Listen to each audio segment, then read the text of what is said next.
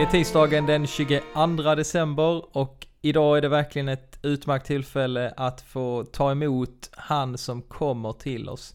Jesus Kristus, Gud själv, blev människa för att komma nära oss. Och han vill också att vi tar emot honom varje dag.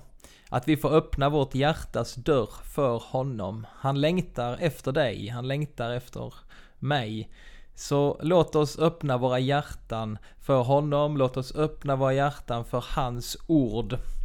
När vi nu ska få läsa bibeln tillsammans och be tillsammans. Idag så läser vi vi börjar vår läsning ifrån Saltaren 25. Herre, jag sätter mitt hopp till dig. Du min Gud, jag förtröstar på dig. Svik mig inte. Låt inte mina fiender triumfera. Den som hoppas på dig blir aldrig sviken. Men den trolöse ska stå där tomhänt. Herre, lär mig dina vägar. Visa mig dina stigar. Led mig i din sanning, lär mig, du som är min Gud, min räddare. Ständigt hoppas jag på dig. Herre, kom ihåg din barmhärtighet, den godhet du alltid har visat. Glöm min ungdoms synder, allt jag brutit. Tänk på mig i din trofasthet, Herre, du som är god. Och så läser jag ifrån första Timoteusbrevet, det andra kapitlet. Och rubriken där är uppmaning till ett kristet liv. Paulus skriver så här. Först och främst uppmanar jag till bön och åkallan. Till förbön och tacksägelse för alla människor. För kungar och alla som har makt. Så att vi kan leva ett lugnt och stilla liv. På allt sätt fromt och värdigt. Att be så är riktigt och behagar Gud, vår frälsare som vill att alla människor ska räddas och komma till insikt om sanningen.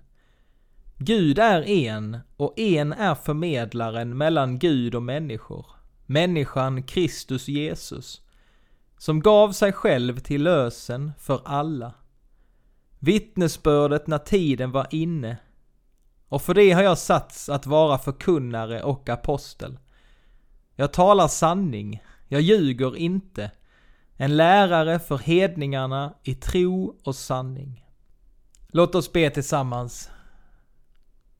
Ja, Herre vår Gud, du som har befriat oss från mörkrets makt och tagit emot oss i din älskade Sons rike.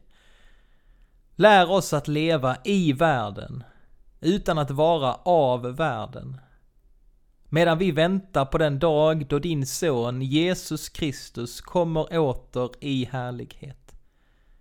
Han som är dig, Fader och den helige Ande lever och råder från evighet till evighet. Amen.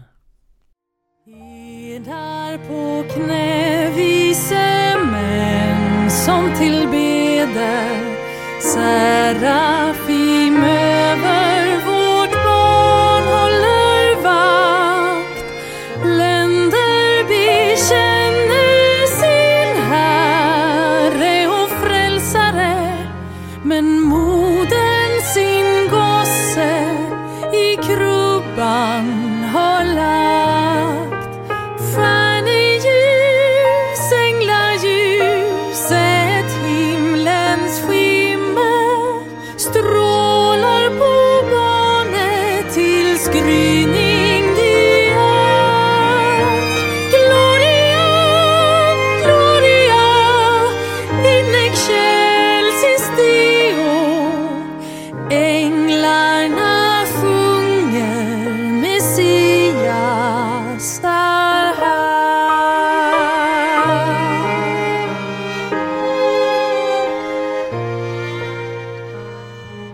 Han är i Betlehem lagd i en krubba.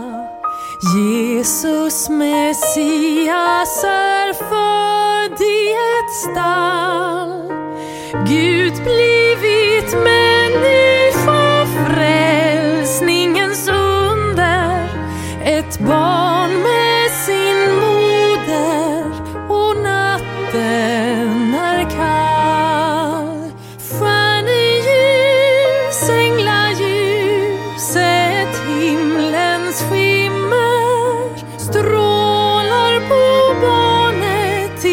det